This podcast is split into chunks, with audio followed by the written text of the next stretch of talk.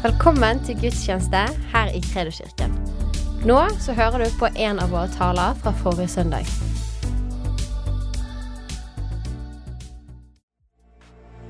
Eh, Mammaen eh, min hun har vært et eh, forbilde. Hun har vært et bilde på egentlig hvem Gud er som far, med måten hun er på. Jeg husker i ungdomsårene mine så kom jeg hjem møkkdritings eller høy på hasj. Og da tok hun meg alltid imot med åpne armer, med kjærlighet.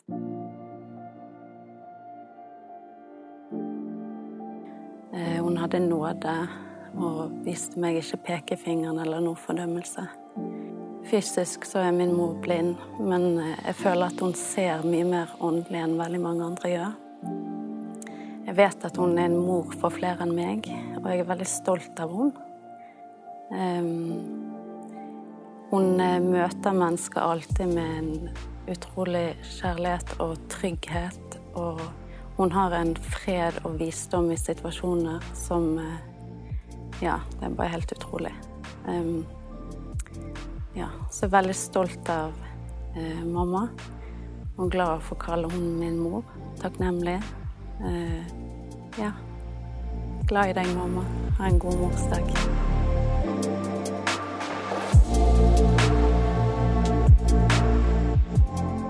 Gratulerer med morsdagen, alle mødre der ute.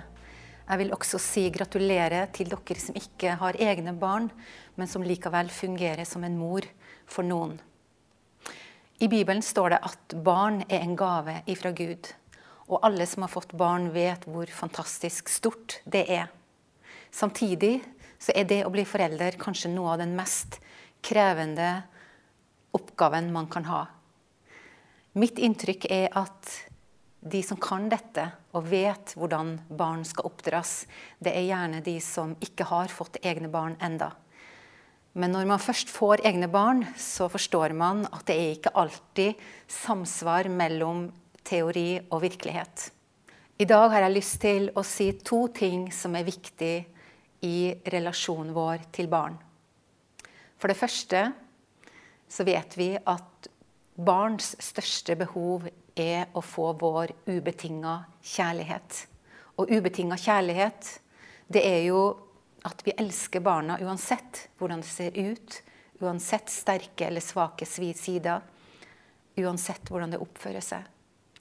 Og det er en forfatter som heter dr. Campbell, og han har skrevet en bok som heter 'Er du glad i meg?' Og dette spørsmålet, 'Er du glad i meg?', det er et spørsmål alle barn stiller hele tiden nonverbalt og de trenger svar på det. Han beskriver hvordan alle barn har en slags kjærlighetstank som til enhver tid trenger å være oppfylt for at de skal ha det bra og for at de skal utvikle seg sunt. Alle foreldre er glad i barna sine. Spørsmålet er om vi alltid klarer å formidle vår kjærlighet slik at de oppfatter det som kjærlighet. Den samme forfatteren han beskriver en del kjærlighetsspråk som vi trenger å bruke når vi skal formidle vår kjærlighet. Og han snakker om det her med å bruke tid, det å gi dem konsentrert oppmerksomhet. Han snakker om det å gi gaver og det å gjøre tjenester. Han snakker om anerkjennende ord, og han snakker om fysisk kontakt. Og så må vi lære barnet vårt å kjenne, slik at vi vet hva det er som formidler kjærlighet best til nettopp dem hvilke av disse språkene. Eh, en av de språkene som jeg vil si litt om, og som jeg tror er det språket som alle barn trenger mye av, og det er dette med tid og det å gi konsentrert oppmerksomhet. Barn er eksperter på å merke om vi er mentalt til stede når vi er sammen med dem. Og det er ikke alltid lett, fordi vi lever stressfylte liv. Vi har mye å tenke på. Og det er mange distraksjoner som gjennom sosiale medier og andre ting som prøver å fange oppmerksomheten vår. Men det å virkelig lytte og genuint være interessert i barnet og la dem kjenne at de er verdifulle nok i seg selv til å få vår udelte oppmerksomhet, det er virkelig med å fylle denne kjærlighetstanken. For det andre, det å være forelder gjør oss egentlig veldig sårbare. Fordi når barna ikke har det bra, så har vi det heller ikke bra. Og jeg er sikker på at vi alle opplever før eller senere i livet at ting ikke alltid går slik vi hadde sett for oss. Vi kan til og med oppleve at vi kommer til et punkt hvor vi blir rådløse, og at alt vi gjør for barnet, ikke ser ut til å hjelpe. I Bibelen fins det mange historier om hvordan mødres og fedres tro og desperasjon er nettopp det som blir redningen for deres barn. Og Jeg har lyst til å fortelle en av disse historiene. og Den er tatt fra Lukas evangeliet kapittel 8. Det handler om Jairus, som er forstander i synagogen. Det står at hans eneste datter, som var tolv år, hun lå for døden. Han må ha vært i en fryktelig situasjon. Og når han oppsøker Jesus, så er det helt sikkert fordi han har hørt at Jesus helbreder de syke. Og Jairus han brydde seg ikke noe om hva andre tenkte om ham. For det står at han kasta seg ned for Jesus, og han bønnfalt ham om å bli med han hjem. Han var virkelig desperat, og hvem ville ikke ha vært det? Jesus blir med han. Men på veien dit så blir de forstyrra av en dame som også er desperat. Og hun tar tak i Jesus, og hun blir helbreda. Og Jesus blir stående og snakke med denne dama. Og mens han står og snakker med denne dama, så kommer det en fra Jairus sitt hus. Helt sikkert en tjener. Som sier til Jairus, din datter er død. Bry ikke mesteren mer. Og før Jairus rekker å reagere på denne triste nyheten, så vender Jesus seg til han, for han har hørt hva som ble sagt. Og han, Jesus sier til Jairus, frykt ikke, bare tro, så skal din datter bli reddet. Det som skjer videre, er at Jesus blir med Jairus hjem, der hvor det står mennesker utenfor huset hans og sørger over det som nettopp har skjedd.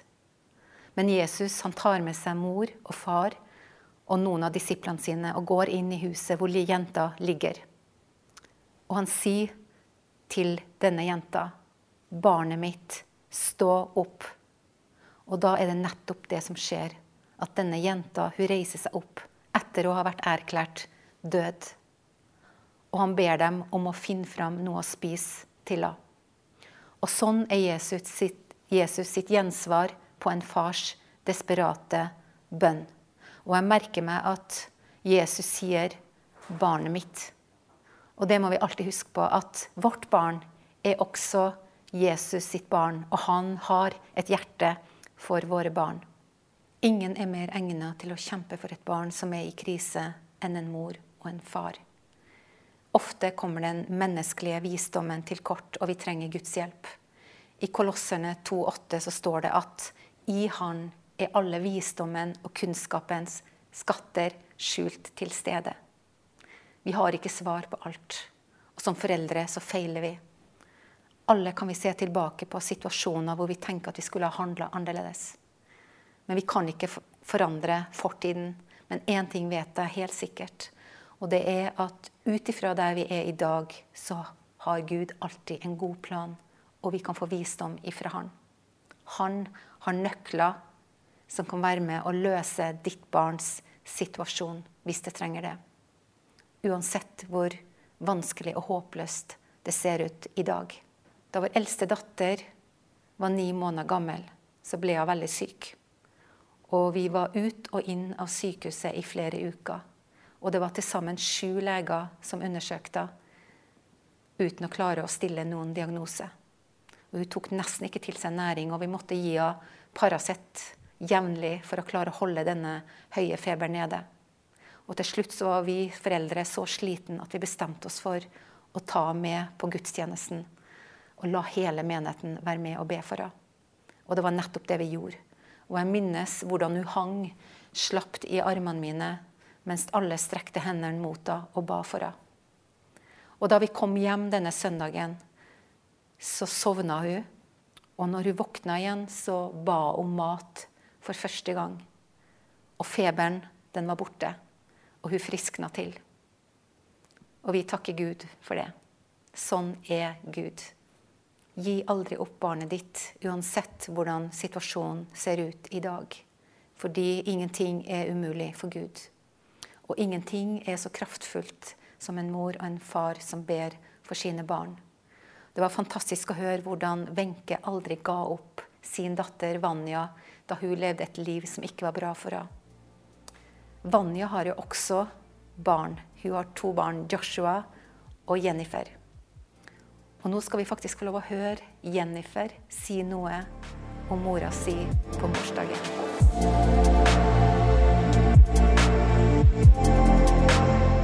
Hei, mamma. Gratulerer med morsdagen. Jeg er veldig glad i deg, og jeg er takknemlig for at du er min mor. Um, du er veldig omsorgsfull, og du viser mye respekt for meg og Joshua. Og du er veldig flink til å gi oss stikke hodet inn på rommet når vi trenger noe, eller bare spørre om det går bra. Og jeg er veldig takknemlig for det, selv om det av og til kan bli mye. Men jeg er glad i deg. Og det får meg til også å tenke på hjertesmykket du ga meg. Du sa at det hadde to betydninger. At det ene var at jeg er verdt mer enn gull, sølv og diamanter. Og at jeg alltid skulle ha Den hellige ånd, Gud og Jesus nær hjertet mitt. Og at de ville ha, backe meg opp hver gang jeg trengte dem.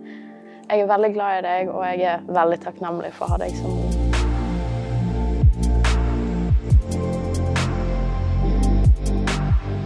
Vanja, jeg vet at du sitter hjemme hos Wenche akkurat nå og ser på. Og ingen av dere visste at dere skulle få en oppmerksomhet i dag. Fordi vi har nemlig en oppmerksomhet til deg også, Vanja. Vi er flere som har vært vitne til ditt pågangsmot og din tapperhet som alenemor til to tenåringer. Du har tatt uh, sykepleierutdannelse mens du har hatt barn alene. Og vi vet at det er ikke alltid lett å stå alene om alt. Uh, I lengre tid så har du holdt på å pusse opp din leilighet. Og jeg vet at eh, kjøkkenet ditt har en hovedprioritet for det. Men det er ikke lett. Ting tar tid når man gjør alt på egen hånd. Og vi som menighet, og også en del enkeltpersoner i menigheten, vi har lyst til å hjelpe til, både økonomisk med de pengene som trengs, og praktisk, slik at du får det kjøkkenet som du har drømt om. Og vi gleder oss til å se hvordan kjøkkenet ditt skal bli. Så det er vår oppmerksomhet til deg i dag på denne morsdagen. Så gratulerer, Vanja. Og da bare ønsker jeg dere alle sammen en kjempefin søndag. Vær god mot hverandre. Ikke glem å ringe mamma og gratulere med morsdagen. Det er også valentinsdag i dag, så vær romantisk med hverandre, dere som er par og ektepar. Og bruk denne søndagen på en veldig god måte. God søndag. Tusen takk for at du lyttet. Følg oss gjerne på Instagram og Facebook, og så snakkes vi neste uke.